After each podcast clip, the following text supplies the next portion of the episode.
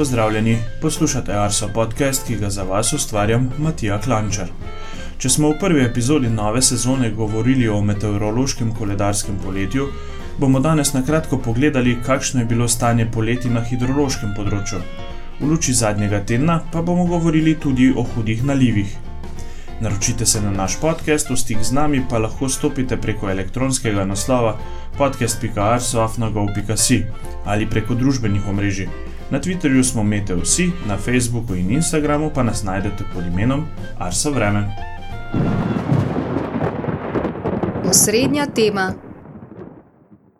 V prejšnji epizodi smo osvetlili meteorološko poletje. Kakšno pa je bilo hidrološko poletje, bo na kratko predstavil Andrej Golob. Zdravo, Andrej. Lepo zdrav, živijo. Je bilo tudi na hidrološkem področju poletje sušno, kot smo slišali v pretekli epizodi?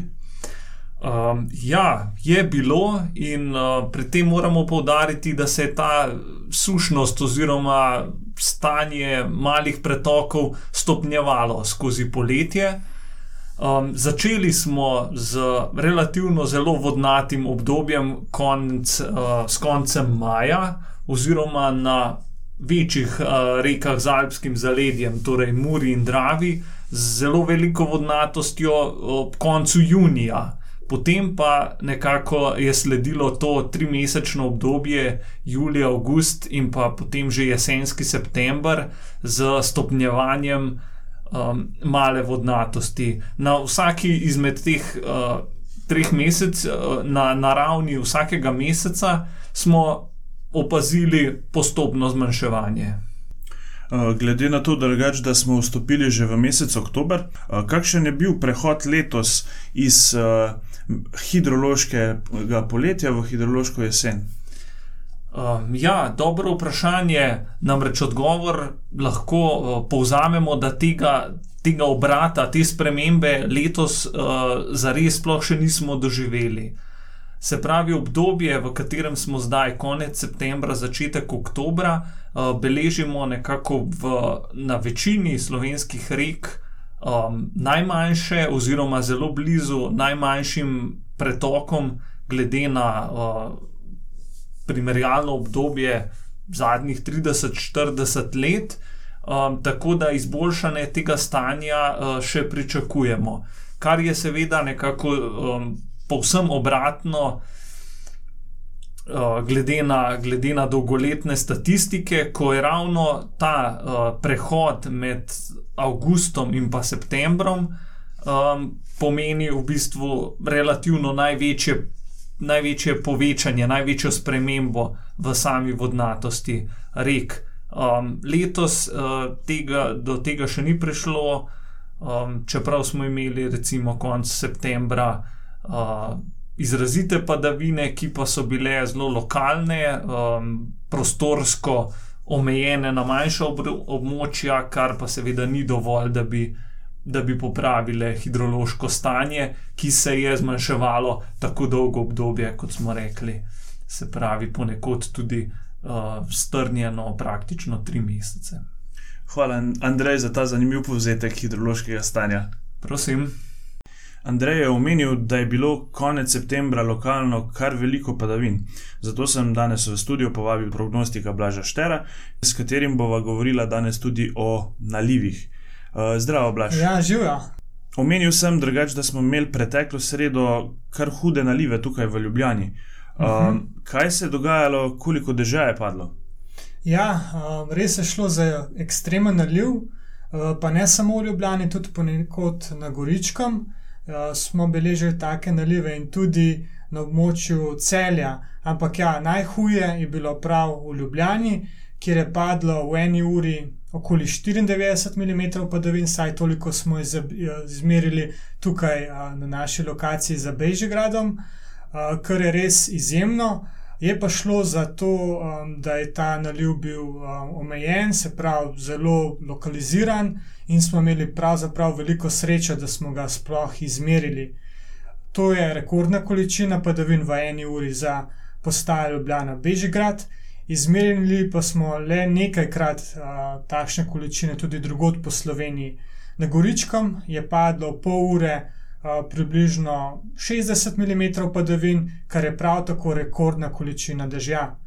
Takšni nalivi so redkost, tako da so povratne dobe za, za take nalive več sto let, več stoletij. Res pa je, da se ti že spremenjajo, kaj ti ozračje se segreva. Uh, o tem verjetno bova ja. kaj povedala tudi v, v nadaljevanju. Zakaj se v bistvu res običajno prav zgodaj jeseni uh, zgodijo takšni nalivi? Kaj, a, mogoče je kakšen recept, kako sploh uh, lahko ja. nastanejo takšni nalivi? Ja, res je. Najbolj pogosti so nalivi prav zgodaj jeseni, kajti takrat se poveča dotok vlage iznad sredozemlja proti našim krajem, okrepi se temperaturna razlika med severno Evropo in južno, zato dobimo močnejše vetrove v višinah. In če je ta tok, predvsem južne, jugozahodne smeri, dobimo to vlago v zraku, obenem pa je še ozračje nestabilno, in takrat se v nestabilnem ozračju nastajajo nevihte, in ob nevihtah tudi močnejši nalivi. Je pa res, da je um, naliv, ki je bil zmeren pretekli teden, uh, nekako bil poseben, kajti um, šlo je za nekako stacionarno proženje na enem in istem mestu, nekako uh, skupka teh uh, nevihtnih celic.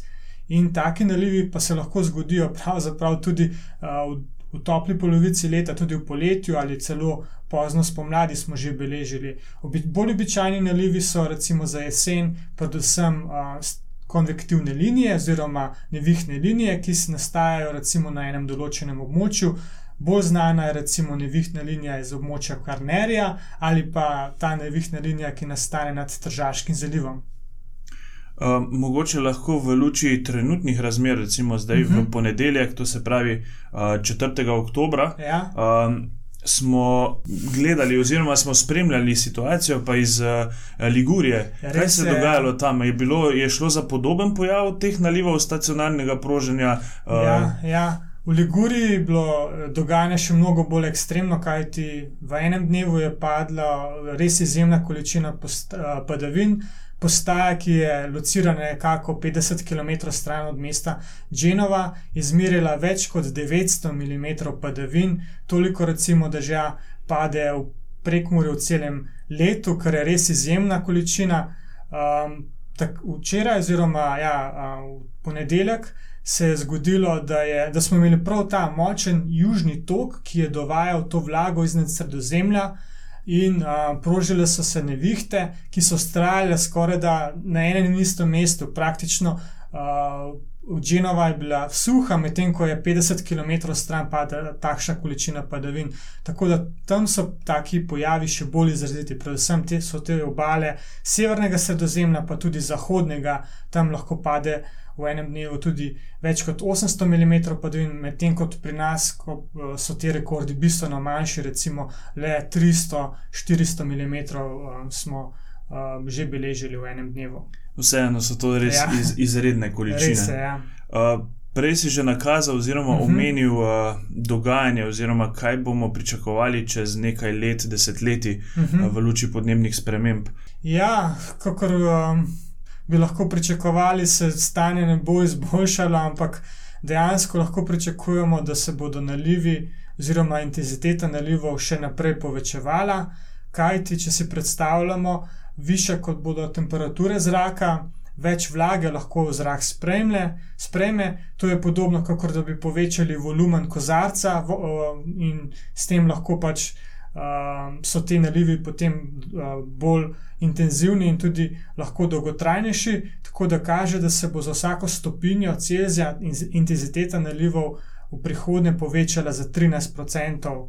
Um, tako da, ja, v bistvu uh, bo to kar um, nekako um, ekstremno, no? to podnebje je bolj ekstremno, kajti recimo, če bomo imeli poleti uh, dolgo obdobje sušo, pa lahko, bomo lahko v jeseni že pričakovali te močne nalive, tako da bomo šli suše direkt uh, v, uh, v to um, hudorniške poplave, kar pa recimo nekaj podobnega se je zgodilo tudi v Ljubljani.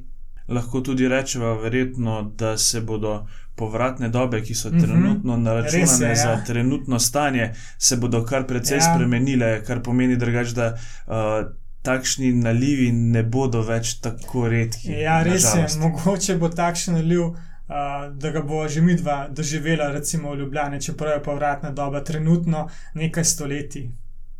Uh, Blaž, eh, najlepša hvala za te res eh, zanimivosti okrog nalivov. Uh, upam, da se bova samo teoretično še pogovarjala ja. Ja. o njih in pa da ne bova doživela teh količin. Ja, res je, hvala. Obeti. Tudi tokrat bo nekaj več o vremenu v prihodnjih dneh povedala Veronika Hladnik Zakotnik. Daljše večinoma toplo in večjem delu države precej suho obdobje se je končalo. Posamezne krajivne padavine so se začele pojavljati že pretekli konec tedna in se nadaljevale tudi v začetku tega tedna. Nad severnim sredozemljem je nastalo ciklonsko območje z vremensko fronto, ki se bo v sredo zadrževala nad Slovenijo in se v četrtek pomaknila preko naših krajev proti jugovzhodu. V sredo in četrtek bo oblačno in deževno, v sredo čez dan bo dež od zahoda zajel vso državo, predvsem ob morju bodo vmes tudi nevihte. Tudi vetrovno bo, v sredo popovdne bo namreč zapihal severni do severovzhodni veter, na primorskem pa zvečer burja. Veter se bo zvečer in noči na četrtek še krepil. V četrtek bo tako pihal okrepljen severni do severovzhodni veter, na primorskem pa zmerna domočna burja. Vremenska sprememba bo prinesla tudi ohladitev. V sredo bodo temperature še večinoma med 15 in 20 stopinj, hladneje bo le na severozahodu. V četrtek pa bodo najviše dnevne temperature v notranjosti države okoli 12 stopinj Celzija. Padavine bodo v petek oslabele in čez dan od severozahoda postopno ponehale. Postopno bo slabil tudi veter. Dnevne temperature bodo večinoma med 10 in 15 stopinj. Od sobote bo verjetnost za padavine spet majhna, pogostejša bodo spet sončna obdobja. Hladno bo, jutrajne temperature bodo okoli 5 stopinj, najviše dnevne pa okoli 15 stopinj Celzija. V prihodnjih dneh bodo torej izpolnjeni pogoji za začetek kurilne sezone. Vremenske zanimivosti. Tokrat vremenske zanimivosti meseca septembra. Najvišja temperatura je bila podobno kot avgusta tudi septembra izmerjena sredi meseca. 15. septembra je bilo v novem mestu 32,9 stopinje Celzija. V mesecu septembru smo izmerili nekaj minusov, predvsem v znanih mraziščih notranske. Na Babnem polju je bilo 23. septembra minus 1,7 stopinje Celzija. Najhitrejši sunek vetra smo izmerili 15. septembra na Kredarici, ko je pihalo s hitrostjo nekaj manj kot 100 km/h. Kot smo danes slišali v osrednji temi, smo največ padavin izmerili 30. septembra ob 7. uri zjutraj na postaji Ljubljana Bežigrad. Skupna izmerjena količina nalivov preteklega dne je bila 122 mm. Še podatki o najbolj sončnih postajah. Največ sonca v enem dnevu, 12 ur in 35 minut, smo tokrat namerili na letališču Jožeta Pučnika na Brniku, 2. septembra letos. V enem mesecu pa je največ sončnih ur nabrala postaja Maribor Vrbanski plato, skupaj 252 ur in 32 minut. Z vremenskimi zanimivostmi smo 66. epizodo Arso podcasta pripeljali do konca. Želim vam obilo lepega vremena in se slišimo čez 14 dni.